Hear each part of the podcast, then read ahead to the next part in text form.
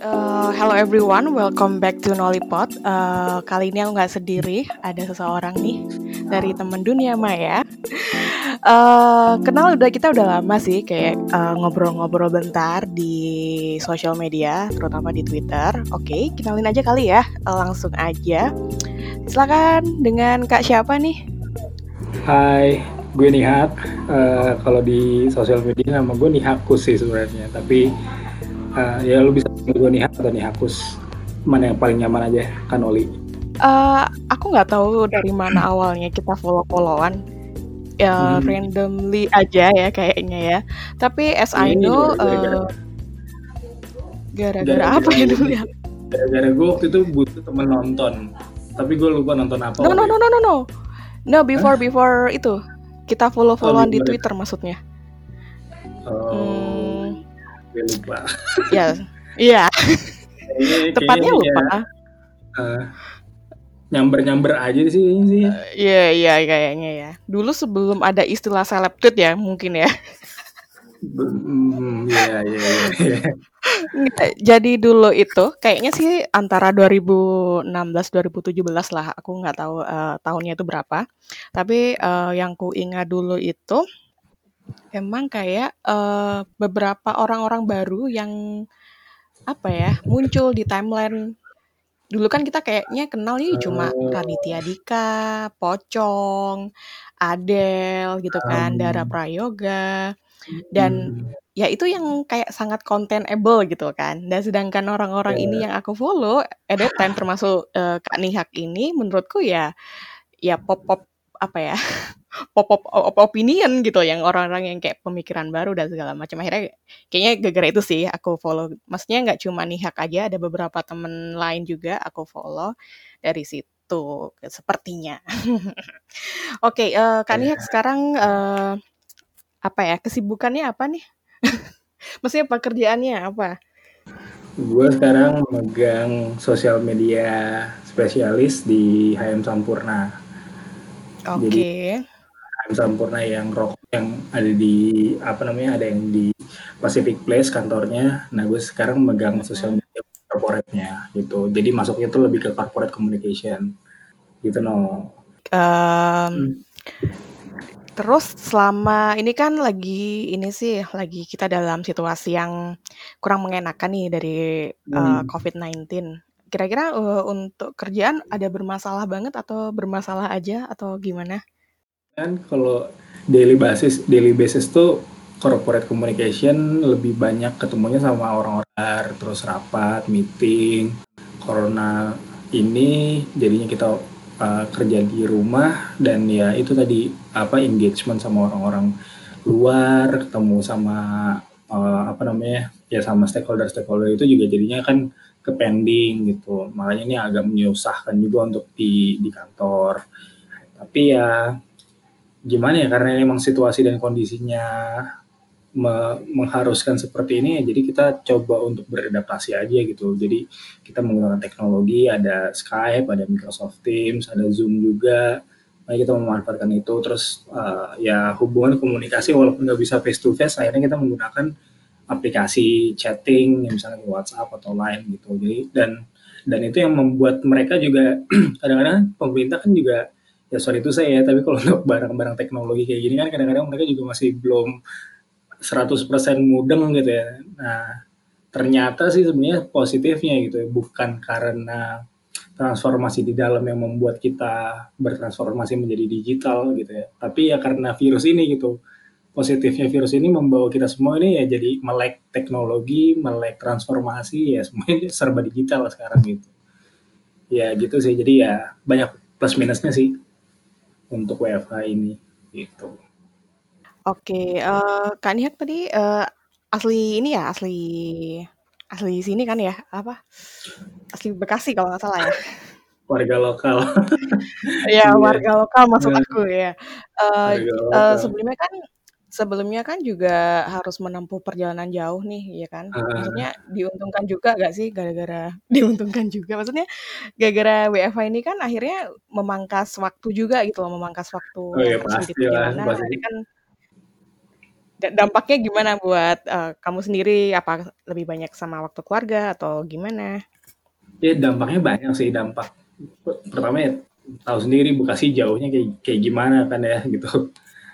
Terus uh, ya memangkas biaya perjalanan, transportasi itu itu pasti satu satu hal. Terus uh, waktu untuk keluarga juga ya pasti akan lebih banyak gitu. Cuma ya sekali lagi sebenarnya kalau working from home tuh kadang-kadang yang diukur kan fleksibilitas waktu juga ya gitu uh, karena kita nggak nggak nggak ada di fisik kantor gitu nggak berada di kantor akhirnya ya tadi waktu-waktu yang kadang ya kalau di kerjaan gue sebenarnya sih uh, uh, semuanya serba standby gitu maksudnya mau malam mau pagi mau siang mau sore kadang-kadang kita harus standby gitu nggak nggak ngikutin jam kantoran gitu kayak di di working from home juga kadang-kadang kita misalnya malam ada apa gitu harus tetap standby, bikin standby statement misalnya atau apa gitu. Tetap kita uh, misalnya monitoring sosial media juga gitu. Nah, tetap kita lakukan walaupun ya udah misalnya melewati waktu malam. Tapi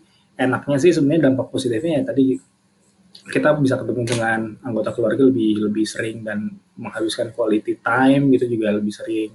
Sambil kerja sambil nonton Netflix juga masih bisa keburu gitu. Terus sambil ngapain lah melakukan hal-hal yang kita sukain juga di rumah juga uh, masih kita bisa kerjain uh, berbarengan dengan kita kerja gitu. Jadi ya tadi yang aku bilang sih sebenarnya ada positif dan ada negatifnya juga gitu. Dan kebetulan sebenarnya keluarga keluarga besar ini lagi pada ngumpul di rumah. Karena kan keluarga kakak juga tuh lagi di di rumahnya kan emang zona merah di Jakarta Selatan. Jadinya ngungsi ke Bekasi semua.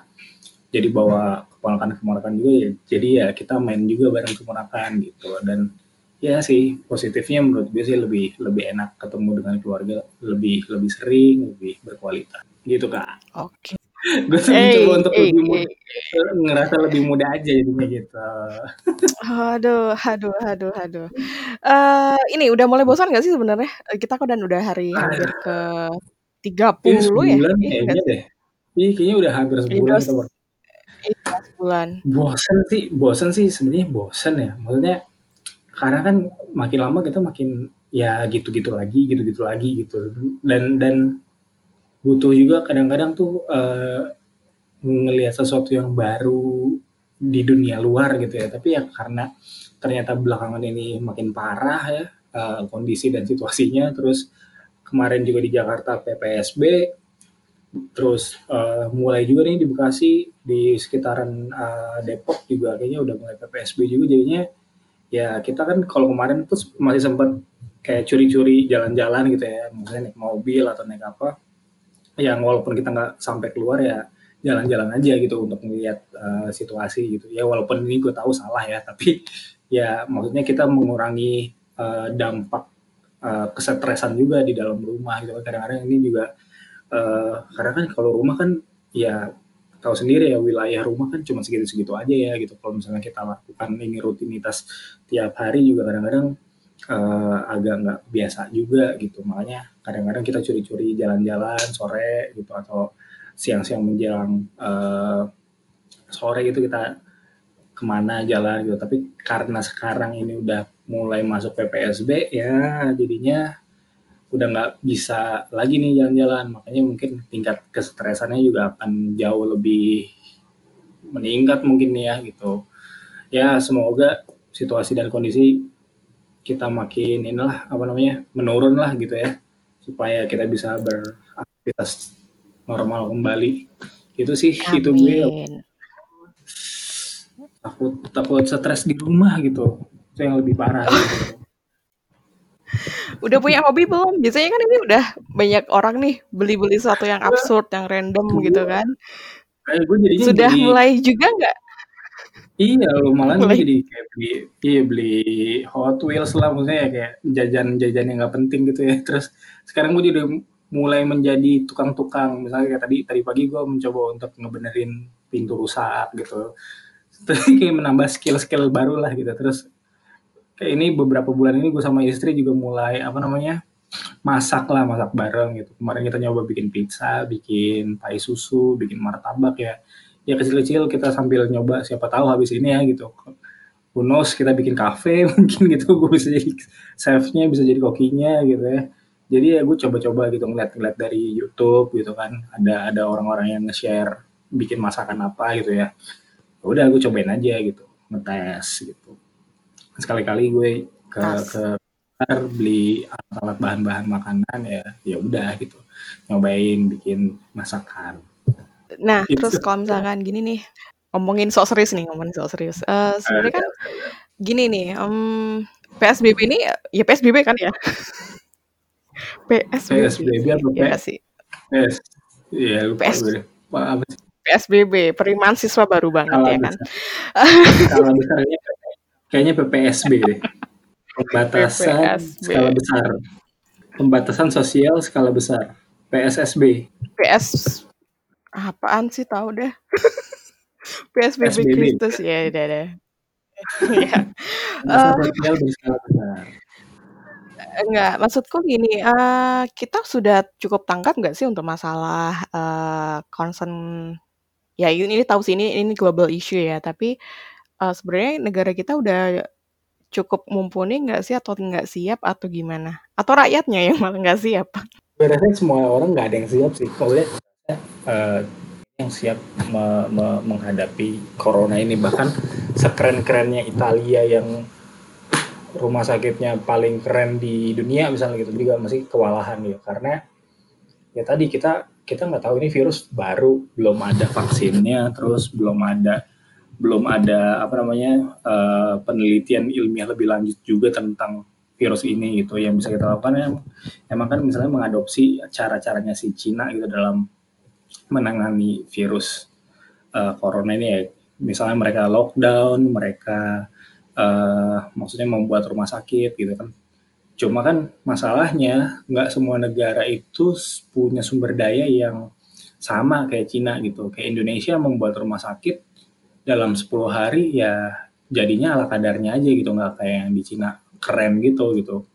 Dan inilah yang menjadi menjadi apa ya menjadi masalah sih gitu. Penyakitnya sama cuma cara menangani dan menanggulanginya tuh berbeda gitu. Baik pemerintah dan masyarakatnya juga gue rasa sama-sama nggak siap. Nggak cuma di Indonesia doang tapi ya di luar negeri tadi gue bilang gitu. Di Italia di Amerika juga sama-sama nggak siap.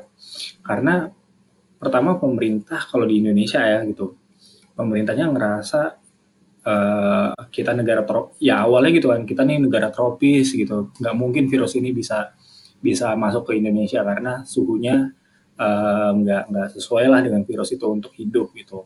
Karena emang pas ditemuin di Cina itu dalam posisi uh, kondisi musim dingin ke musim uh, apa ya spring. Terus ya pokoknya habis musim salju lah gitu ya.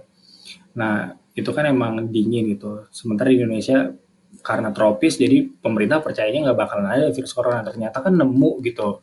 Dan ketemu dan sekarang udah uh, jumlahnya berapa? Empat ribuan gitu Artinya kan ini virus ber, mungkin bermutasi gitu ya, mungkin beradaptasi juga dengan suhu, beradaptasi juga dengan orang. Artinya kita dari awal tuh udah salah karena menyepelekan sih gitu, menyepelekan. Pemerintahnya juga membangun komunikasi yang salah juga ke masyarakat. Masyarakat juga jadi ngerasa santai-santai aja jadinya gitu.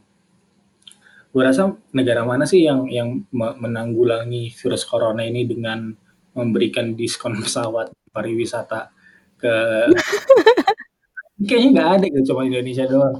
Dan gue ngerasa itu salah satu blunder terbesar pemerintahmu menurut gue ya. Walaupun sekarang jadi jadi serius tapi ya itu menurut gue udah terlambat banget. Dana-dana yang harusnya dari awal bisa kita pakai untuk apa namanya untuk kayak membuat rumah sakit melengkapi APD mungkin gitu ya untuk rumah sakit rumah sakit. Terus uh, apa namanya untuk alat-alat kesehatannya juga. Jadinya tuh bocor gitu. Maksudnya nggak nggak nggak keserap ke ke ke sektor-sektor yang benar-benar membutuhkan gitu. Nah ini yang nggak tepat gue, guna. Nggak tepat guna. Lalu ditambah juga masyarakat Indonesia juga kayaknya santai banget gitu. Maksudnya ya ignorance benar gitu. Sekarang mau bayangin aja sekarang ini dalam kondisi pembatasan sosial berskala besar Jakarta aja itu Jakarta masih macet. Ya artinya kan kayak kayak gimana ya? Maksudnya orang-orang tuh nggak gue ngeliat gojek gojek juga masih pada ngumpul gitu. Maksudnya di Bekasi aja ya gitu.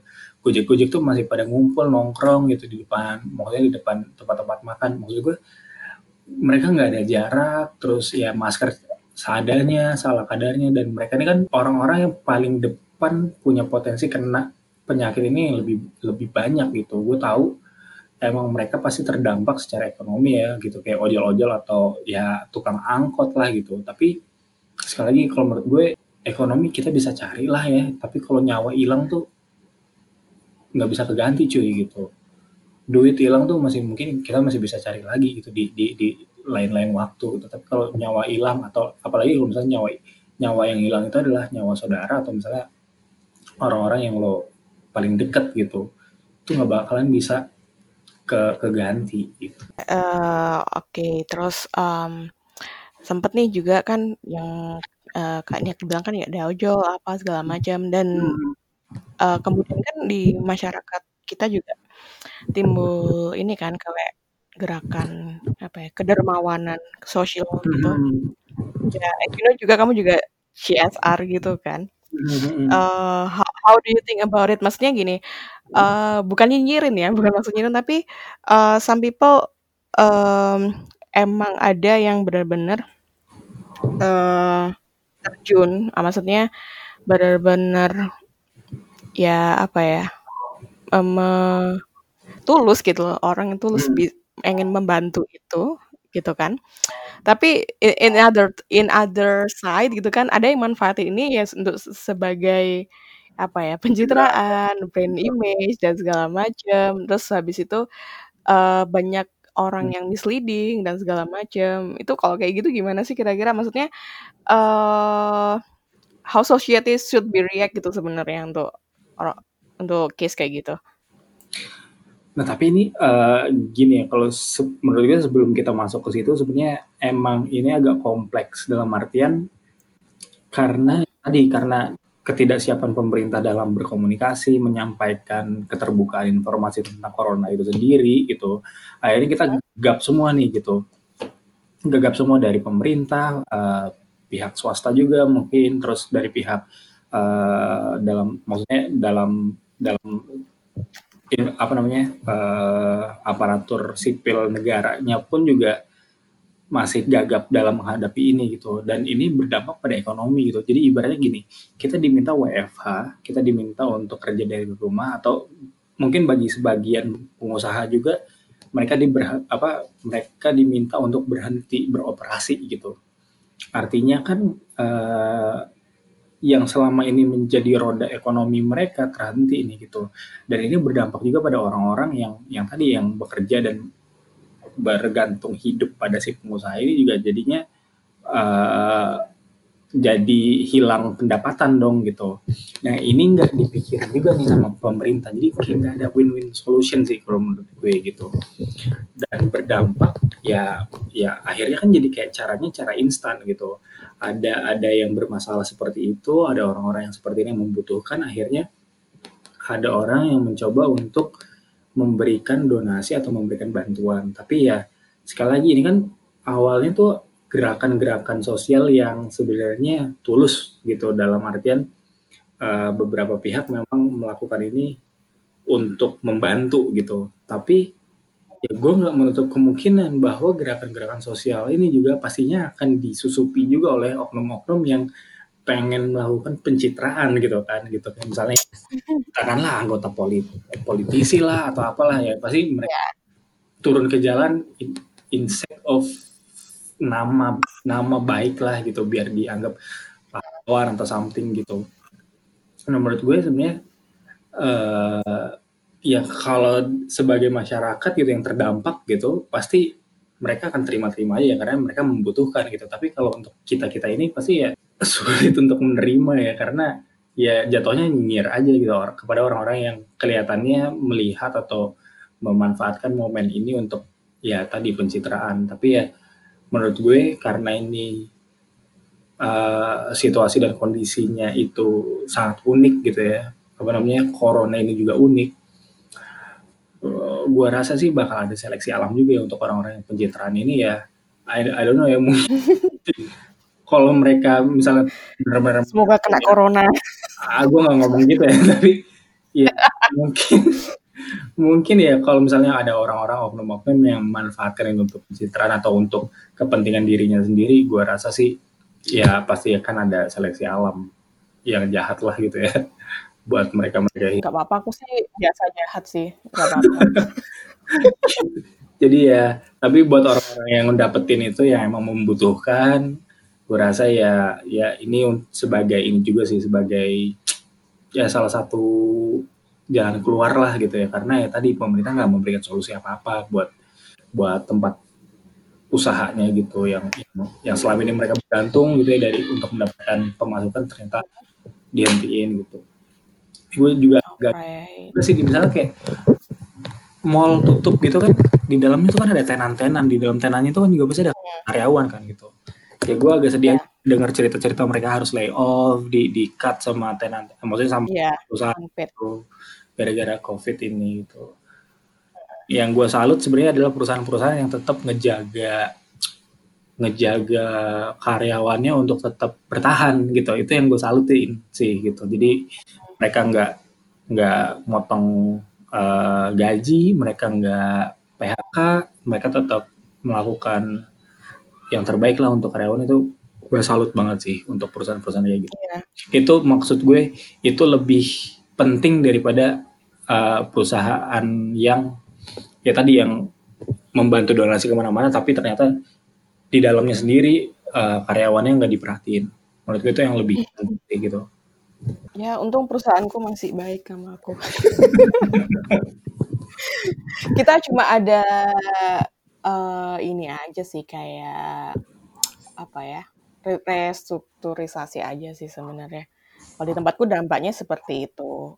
Ya untungnya aku masih ini ya uh, company luar jadi masih masih masih ini ya, ngekor ya, gitu loh. Ya. Uh, masih ada pegangan. Mungkin kalau misalkan itu base Indonesia, mungkin jatuhnya mungkin tutup sih kayaknya. Iya, soalnya banyak apalagi kita, mm, banyak teman-teman tuh yang juga uh, ya gitu mau nggak mau perusahaannya harus memberhentikan dia gitu terus bahkan adik ini kemarin tuh yang lebih sedih lagi ketika kita kan mulai working from home tuh tanggal 15 Maret seingat gue uh, ya pokoknya 15 atau tanggal 17 Maret itu dia tuh dapat keputusan untuk working from home sambil ditem di, di ditambahin surat referensi kerja dong gitu jadi si perusahaannya itu sampai dia tuh nggak tahu perusahaan ini bakal tetap bertahan atau enggak sampai coronavirus ini. Jadi makanya dikasih surat referensi kerja.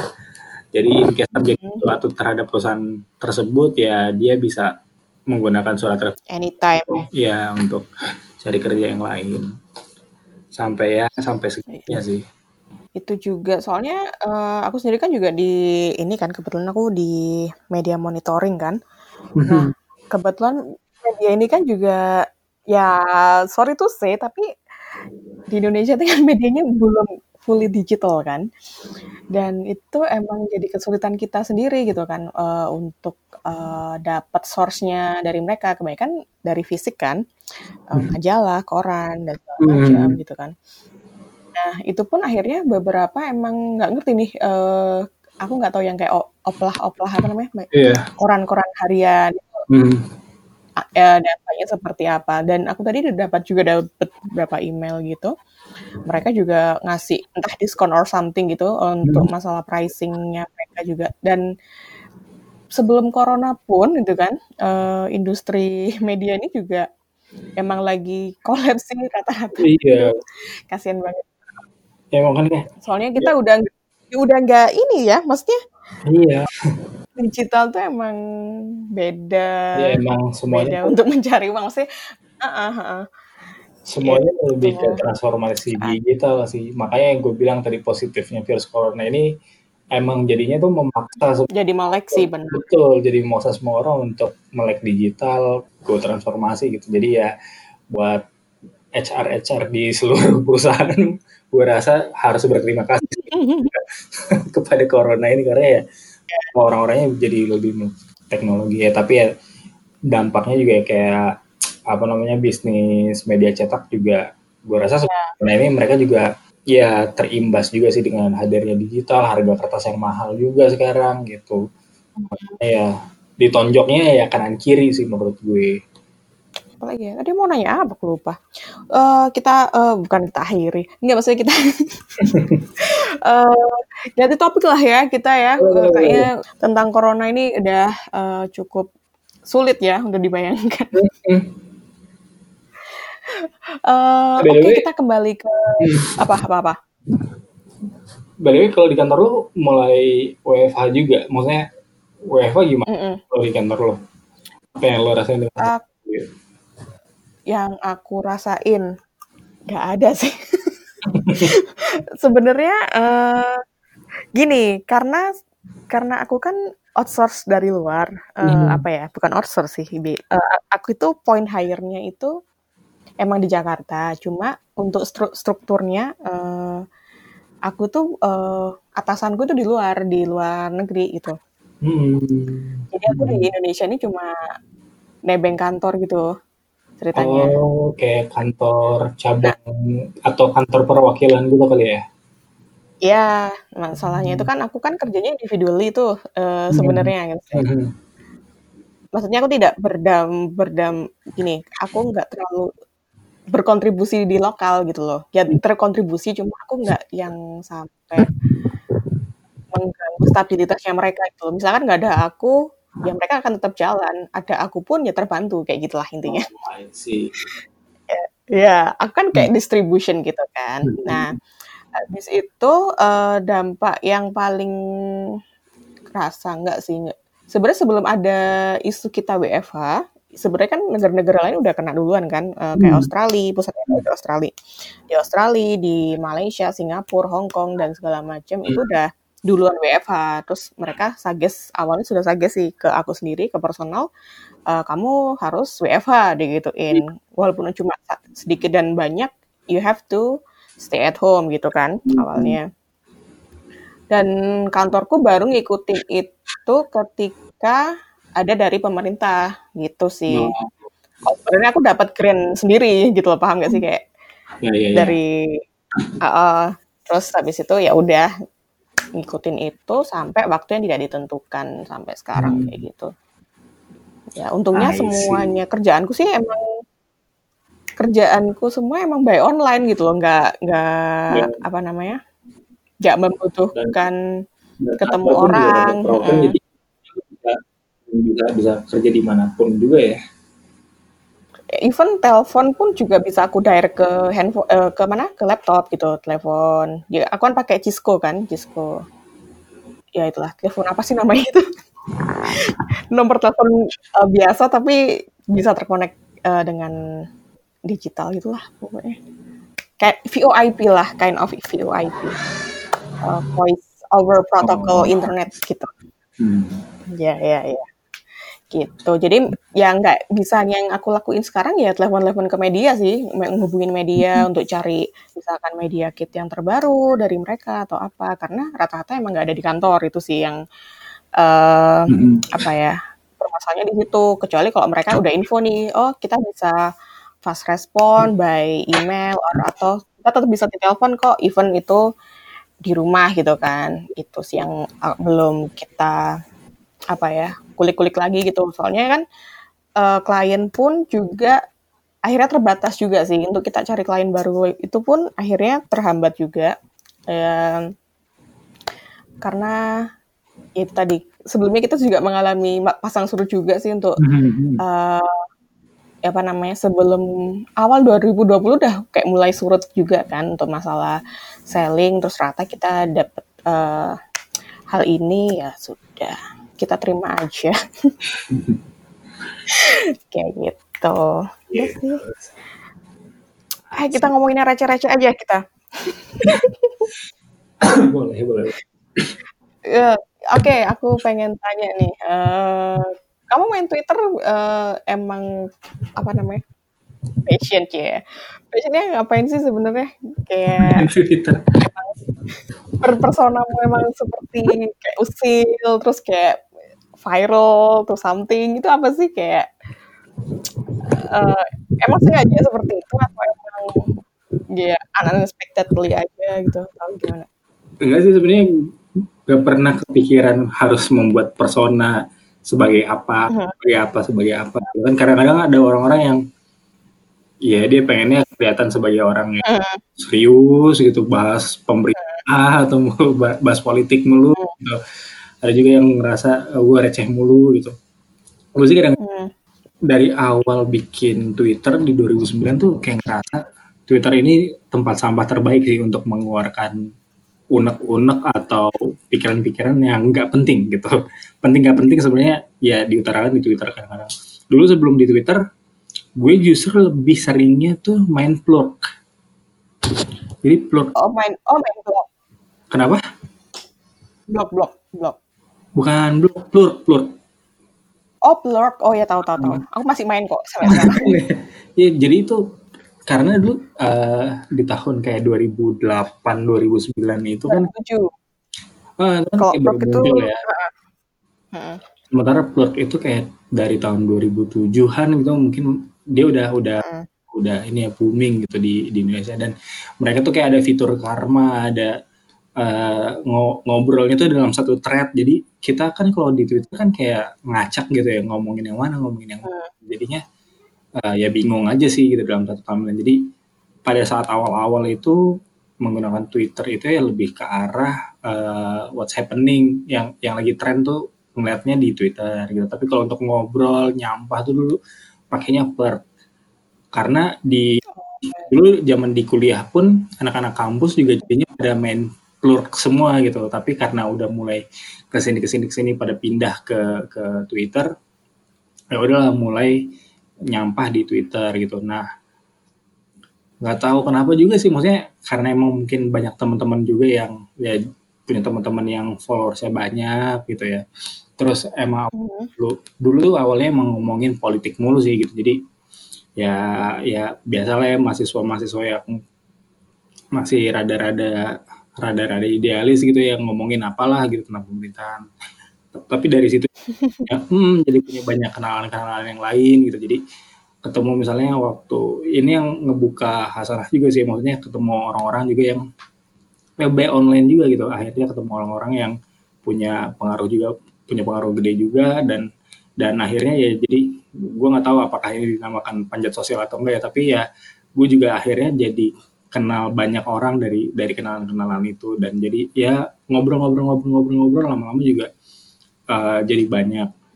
Jadi yang dulu ibaratnya bikin konten yang serius-serius banget akhirnya ke sini ke sininya juga ya mulai lebih uh, apa ya mulai lebih cair lah gitu ya. Karena karena dulu gue ngerasa ego aja sih gitu gue ngeluarin uh, Twitter ya karena ini pemikiran gue atau apa atau apa ya kalau sekarang ya udah lebih ke hiburan aja sih. Jadi usil terus kalau apa maksudnya ada yang aneh-aneh yang receh-receh kadang-kadang gue juga ikut komen gitu untuk bikin konten-konten kayak gitu juga nggak menutup kemungkinan untuk bikin kayak gitu juga gitu.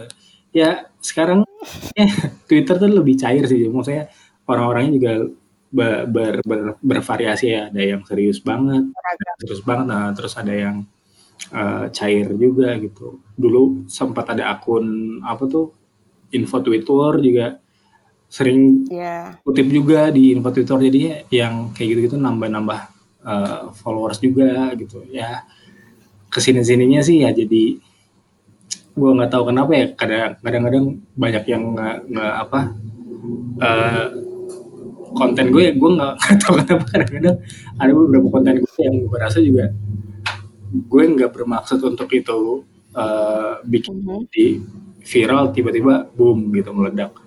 Ya tapi ya menurut gue Twitter itu lebih egaliter ya misalnya dari daripada Instagram. Karena kalau kalau di Instagram kan uh, opini itu dibuat benar-benar dari selebgram atau apa ya gitu. Tapi kalau di Twitter tuh ya akun-akun kayak gue nih yang yang bukan selebgram atau apa ya itu bisa punya kans untuk punya konten yang dilihat orang lebih banyak gitu. Itu yang gue suka dari Twitter saat ini ya gitu algoritmanya itu seperti itu sih. Jadi ya di, di Twitter itu kalau lagi suntuk gitu, kalau lagi eh, nggak uh, ada ide atau apa ya biasanya nyari-nyari bahan inspirasi dari Twitter gitu. Oke, Kalau misalkan ini yang buat dengerin ya, uh, ini tak kasih tahu. Beberapa uh, tweet viral dari Hakus, akun nih Hakus di Twitter. Oke, kita berawal dari uh, dari suara.com. Uh, judulnya itu uh, gemesin baju netizen ini memiliki motif batik yang tak biasa. Aduh, nih apa nih? Ingat gak? Ingat gak? Batik poni. jadi itu kan ceritanya gini itu ceritanya jadi itu ceritanya gara-gara waktu itu gue masih di kantor lama. Terus uh, yang pakai batiknya orang Singapura. Orang Singapura dia pakai batik itu dan gue ngerasa tuh motifnya lucu gitu. Maksudnya dia cowok pakai batik poni gitu. My Little Pony yang brownie itu gitu. Terus gue ngerasa ini tuh anomali gitu. Maksudnya kan biasa orang kalau beli batik tuh ya batik-batik yang coraknya corak-corak batik lah ya gitu ya. Mungkin mega mendung motif apa motif apa gitu. Kalau ini batik My Little Pony gitu. Gue kalau ngeliat batik yang logo-logo bola gue pernah lihat gitu ya. Tapi untuk My Little Pony ini kayak something baru gitu. Gue baru ngeliat. Akhirnya gue kayak gue posting itu. Terus kalau nggak salah waktu itu yang yang yang pertama kali uh, kayak ngerespon itu Koko akun Koko itu kan. Koko ya, KO2W itu. Nah terus gue tuh kayak ya pada saat itu kan gue emang lagi meeting ya lagi meeting terus uh, emang lagi ada ada presentasi juga gue lagi ngedengerin dia presentasi. Terus kayak malaman itu gue balik dari kantor kok full mention Twitter gue tuh jadi kayak ini banget gitu. Dan itu tuh nggak cuma di Indonesia doang kayak makin malam makin malam terus kayak sampai besok paginya tuh kayak akun-akun dari Malaysia, dari Singapura, dari Filipina, dari mana-mana tuh kayak pada pada komen gitu. Terus gue baru menyadari bahwa segede itulah orang-orang suka dengan batik si uh, My Little Pony itu. Akhirnya gue coba kayak apa namanya ngasih tahu dia siapa gitu. Terus gue ngasih tahu juga ini beli batik dari mana gitu. Walaupun gue nggak di endorse sama si punya batik itu ya. Gitu. Terus akhirnya ya udahlah itu ternyata jadi jadi jadi ya nggak tahu kenapa jadi kayak viral tiba-tiba dalam dua hari itu jadi kayak full mention dan yang kocaknya sih sebenarnya kalau baca-baca mention tuh dari orang-orang Malaysia ya karena gue kayak ngerasa mm-hmm. Upin Ipin ngobrol gitu sama gue gitu. jadi kayak bahasa-bahasa Malaysia semua gitu yang di di di gue baca di mention tab mention gue gitu. Oh, itu terus ada lagi nih. eh, apa nih? Oh, aku baru baru nemu juga nih uh, tweet kamu. Uh, kamu foto sama Raisa, ya kan?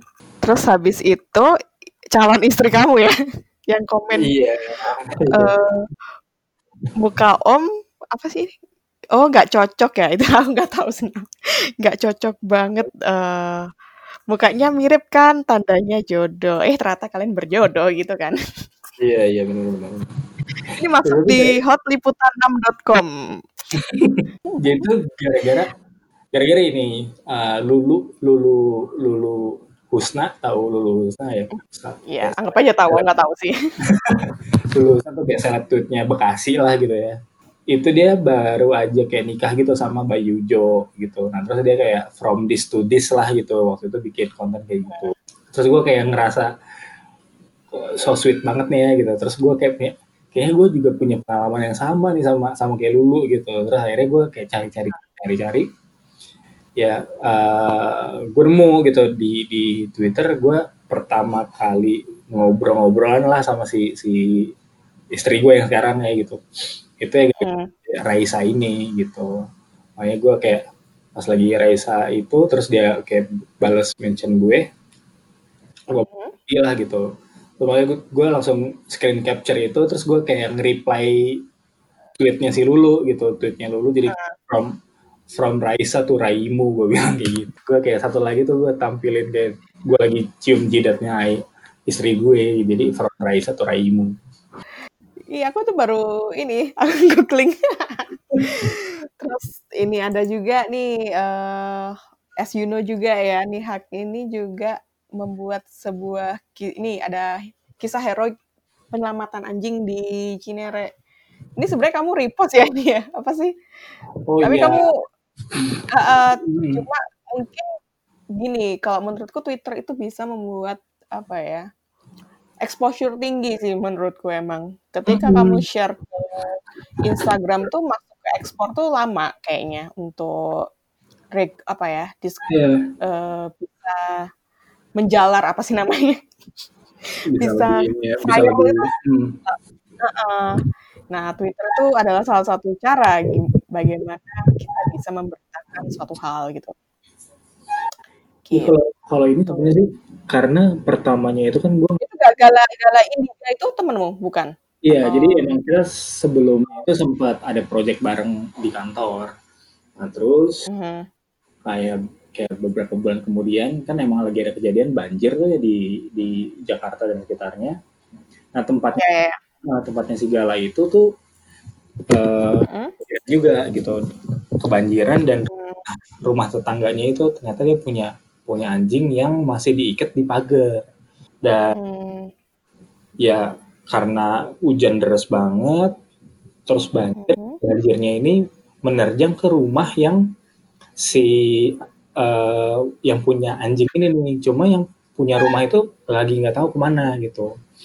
Gue ngeliat dari instastorynya dia kan gitu. Terus gue bilang sama Mas Gala, gue boleh nggak izin untuk repost ini gitu? Silahkan aja mas gitu. Ya udahlah, gue cuma Mmm. iseng posting satu anjing itu kan. Mungkin karena Mhm.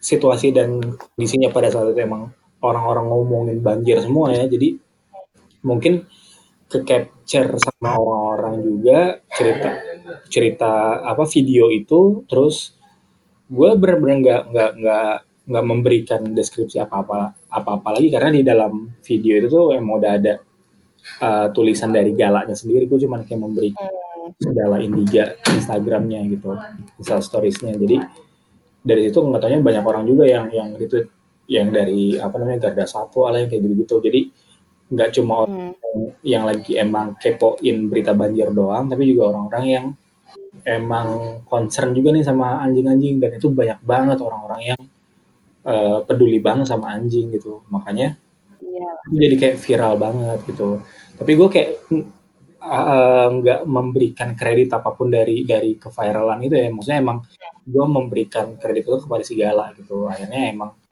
ya gue cuma bagi gue itu cuma sebagai katalis. aja sih.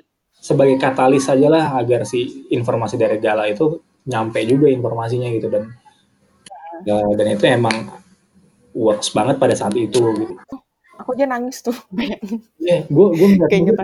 kayak, gue ngeliatnya aja kayak, aduh ini kesian banget gitu karena di video itu tuh pas kuliah tuh anjingnya bener-bener kayak udah Iya. udah capek tapi dia kayak nggak bisa ngapa-ngapain karena lehernya keikat gitu kan. Ya walaupun gue nggak gue masih takut-takut anjing gitu ya tapi ngeliat kayak gitu juga renyuh juga gitu hati gue gitu. makanya gue memutuskan untuk gue kayaknya gue harus repost sih ini gitu Aku tambah takut kucing. balik ya Iya. Eh, dulu aku iseng sih dulu itu kayaknya. Eh, nah, gemes gitu pas kecil. Gemes sama kucing. Eh dia nyak ini gigit dicakar aku, muka malah aku. gitu. Akhirnya kayak trauma ya jadi kalau mereka gigit-gigit, eh, kalau mereka gigit-gigit atau apa namanya yang kayak apa sih tuh? Ya kayak tangannya nempel-nempel gitu aku takut gitu loh. Oh, Nah, kalau anjing beda sih. Kalau anjing mungkin beberapa tipe, tipe kayaknya aku suka oh. beberapa kayak mungkin kayak Rottweiler, Hmm. mungkin kayak model mod oh, Pitbull belum ketemu sih yang kontak langsung itu belum Oh. pernah. Yang pernah yang agak galak itu menurut saat yang nggak cocok sama karakterku sih itu ini sih Rottweiler itu. Rottweiler ya Karena mereka dari, dari kejauhan itu sudah mereka udah kayak eh, kayak nggak mat suka gitu loh. matanya udah kayak mata mau nyerang aja gitu ya Hmm. Kalau yang kayak Siberian, kayak Golden gitu kan, itu rata-rata mungkin mereka cerewet sih awal kayak siapa sih di siapa gitu gitu Hmm. kan. Nanti kalau udah kita elus-elus, kita maksudnya kita dud apa menyamaratakan Hmm. tingginya juga gitu kan. Mungkin mereka lebih calming juga sih mostly kayak gitu. Gitu sih. Kalau aku gampang apa ya? Uh, karakter mereka lebih gampang di approach gitu loh. Kalau anjing, nah kucing aku nggak ngerti untuk approach-nya gimana gitu loh. Makanya aku nggak nggak terlalu cat, cat person, walaupun mereka lucu sih, cuma takut aja gitu.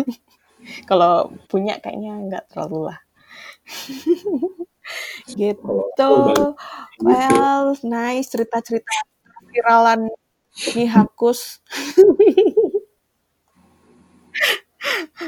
Serius, uh, uh, maksudnya emang kadang itu di Twitter teman apa ya, nggak nggak pernah nyangka apa pun yang kita tulis, apa yang kita posting itu bisa to be something gitu kan. Maksudnya everything can be happen on internet gitu nggak sih? Bener banget gue ngerasa sebenarnya kalau Twitter itu algoritmanya lebih egaliter yang tadi gue bilang sih. Jadi semua orang lu kesempatan dilihat dan menjadi sesuatu lah. Karena yang dilihat tuh emang memang tulisannya, uh, isi pikirannya lah gitu. Jadi ya kadang-kadang kan kalau ada orang-orang yang bikin konten-konten norak yang maksudnya ke cewek ini cowok itu yang gitu kan yang diserang kan jadi ke pribadinya karena konten-konten kayak gitu norak dan nggak bisa diterima ya maksudnya hmm. orang nggak bisa terima konten kayak gitu kan gitu hmm. tapi kalau once konten lo punya ya tadi punya representatif juga dari dari orang-orang dekat atau misalnya orang-orang yang ngerasa punya ide yang sama gue rasa sih hmm. sesuatu juga sih gitu makanya gue rasa sih algoritma Twitter ya tadi nggak nggak nggak menutup kemungkinan untuk yang akun-akun dengan followers kecil bisa di, jadi viral lah gitu nggak cuma seleb tweet. Yes. Nah, kadang-kadang seleb tweet sekarang juga engagementnya juga kecil-kecil juga gitu. Ya, uh, tapi ingat viral dan follower tidak dibawa mati. iya benar. Bukan itu juga sih soalnya itu uh, ya mungkin kita tua ya, mungkin kita generasi yang tua, aku sama Kanihat.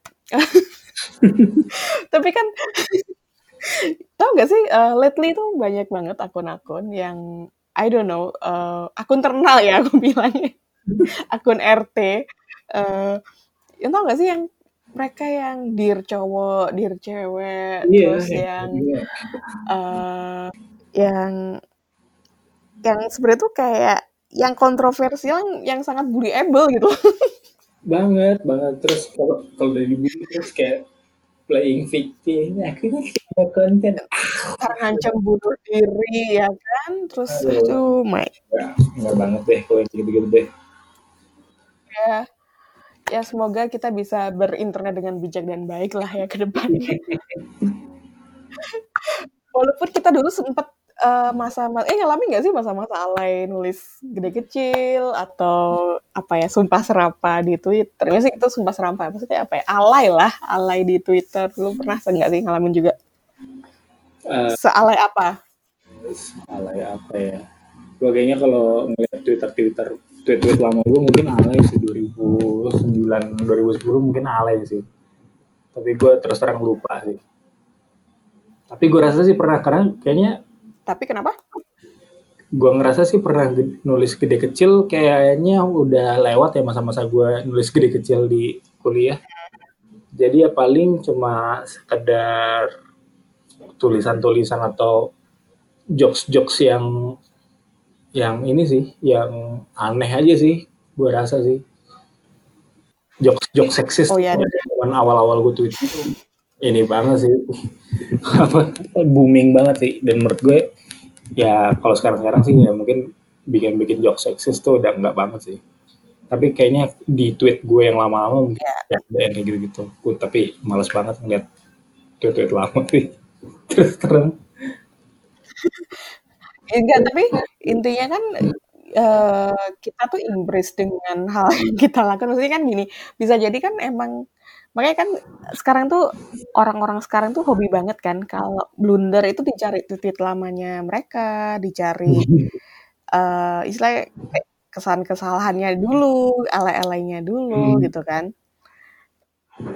Apa sih namanya aku lupa. Ada istilahnya lah itu pokoknya kayak uh, hal-hal kayak gitu kan sebenarnya menurutku nggak nggak nggak nggak fully mature gitu nggak sih kayak siapa sih kemarin? Ar Ardito Pramono kalau nggak salah. Iya yeah, Ardito Pramono yang uh, Cina Cina sama apa ya? Homo sama homophobic something ya. Yeah. ya gue rasa gue ada ada ada momen di mana gue kayak Ardito sih. Ada momen di mana gue hmm. gue ya namanya kayak tempat sampah gitu ya Twitter tempat sampah ya. Jadi apa yang biasa gue lakukan apa yang gue pikirin pada saat itu ya mungkin gue akan gue tuangkan langsung ke Twitter. Karena pada saat itu orang-orang tuh juga nggak main Twitter gitu. Dulu masih Facebook banget orang-orang main Facebook status Facebook gitu-gitu kan. Twitter tuh nggak terlalu booming di, di di tahun 2009 2010 tuh nggak terlalu booming. Baru-baru booming tuh 2012 2013 ke sini sininya gitu. Makanya menurut gue dan dulu tuh kayak ada patron di Twitter tuh. Jadi kayak yang dilihat tuh ya seleb tweet gitu.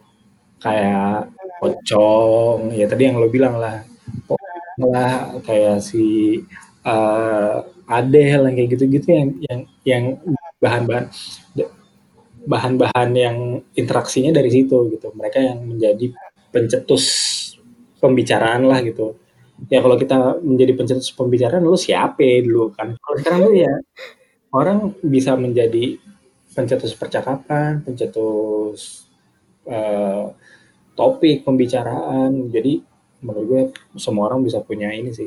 Dan menurut gue tadi balik lagi ke kasus Ardhito Pramono gue rasa di titik-titik tertentu gue pernah melakukan ya tadi jok seksis homofobik yang kayak gitu gue pernah gue dan gue merasa kalau orang nyari tweet-tweet lama gue pasti akan nemu tuh kayak gitu-gitu tuh.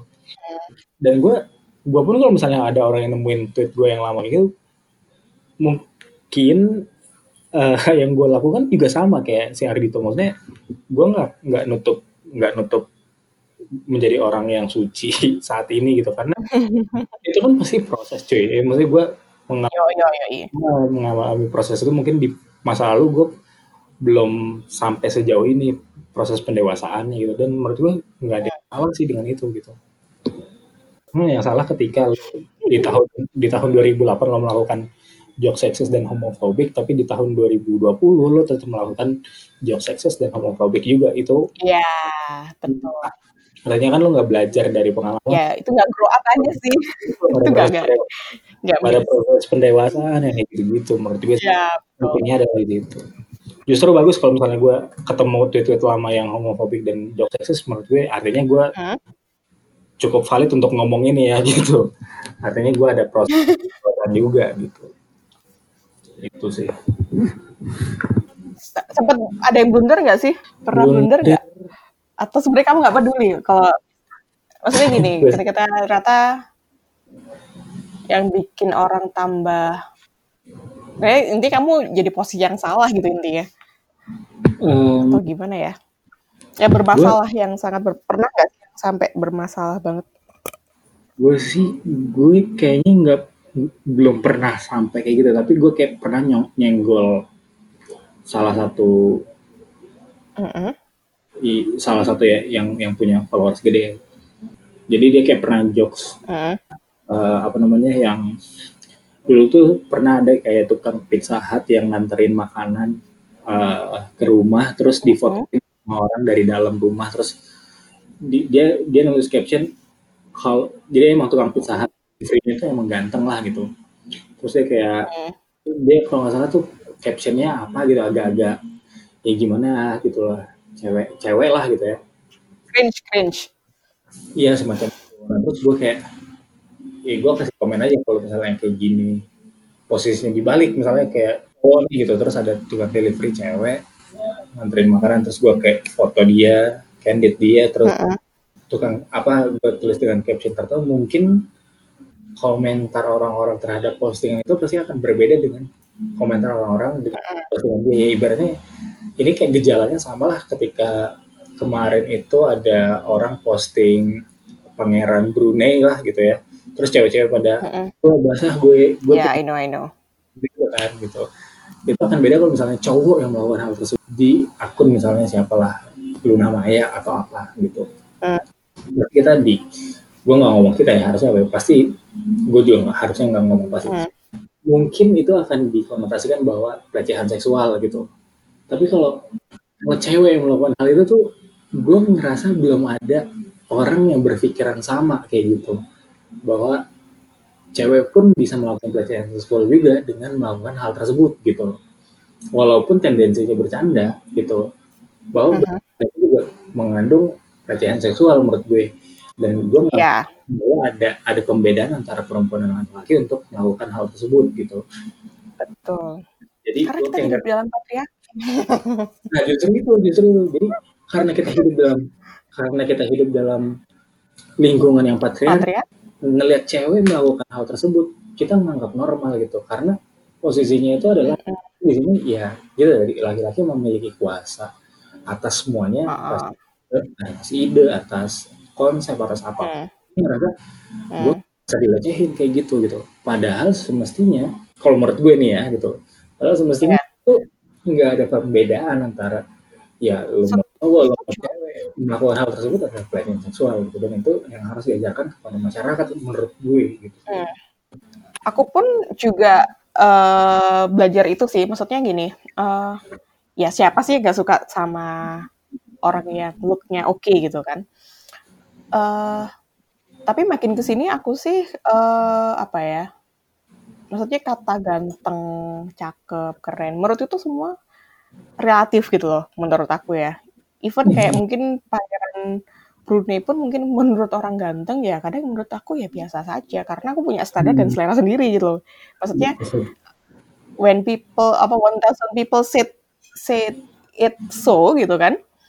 Kalau menurut enggak enggak gitu aja sih. Jadi uh, penting juga nanamin itu sih untuk uh, to everyone yes bukan especially wanita tapi sebenarnya melakukan itu pun juga nggak baik sih kayak expose apa ya mengekspos hal-hal yang fisik kayak 10 potret cakep cantik yes kayak yang berita-berita gitu kan juga sebenarnya kurang hmm. gimana gitu kayak orang kan sebenarnya punya karya punya ya maksudnya jadi pangeran Brunei apa sih tugasnya job desknya? Ngapain sih jadi pangeran tuh? Kan harusnya kita harus uh, digging infonya tuh harus sampai situ gitu bukan hal-hal yang fisik gitu ya nggak sih? Iya. Yeah. kalau aku kalau aku segitu ya udah sih well udah hampir satu jam kita bersama ngobrol. Nggak merasa iya. Asli nggak kerasa banget. Asli ini nice conversation. Akhirnya kita uh, mengungkap tabir-tabir. Dari uh, Twitter dan Oke, okay, uh, eh, kita akhirin aja ya. Uh, by the way, kalau misalkan pengen follow Kanihak dengan kerajaannya dia, bisa follow aja di @nihakus di Twitter, di atau di Instagram juga ya, sama ya. Di Instagram juga. Cuma gue nggak sereceh di Twitter sih kalau Instagram. Ya, mungkin lebih better follow Twitter sih kayaknya. Iya. Instagram kayak buat keluarga gitu kan ada bokapnya ya. gitu jadi Betul. harus jaga image gitu. Betul. Oke, terima kasih ya Kak Niha. Salam Thank buat you, keluarga juga. Thank you Noli. Ya, stay uh, safe, stay healthy. Stay safe juga Noli. Ya. Thank you. Bye. Oke, okay, bye bye.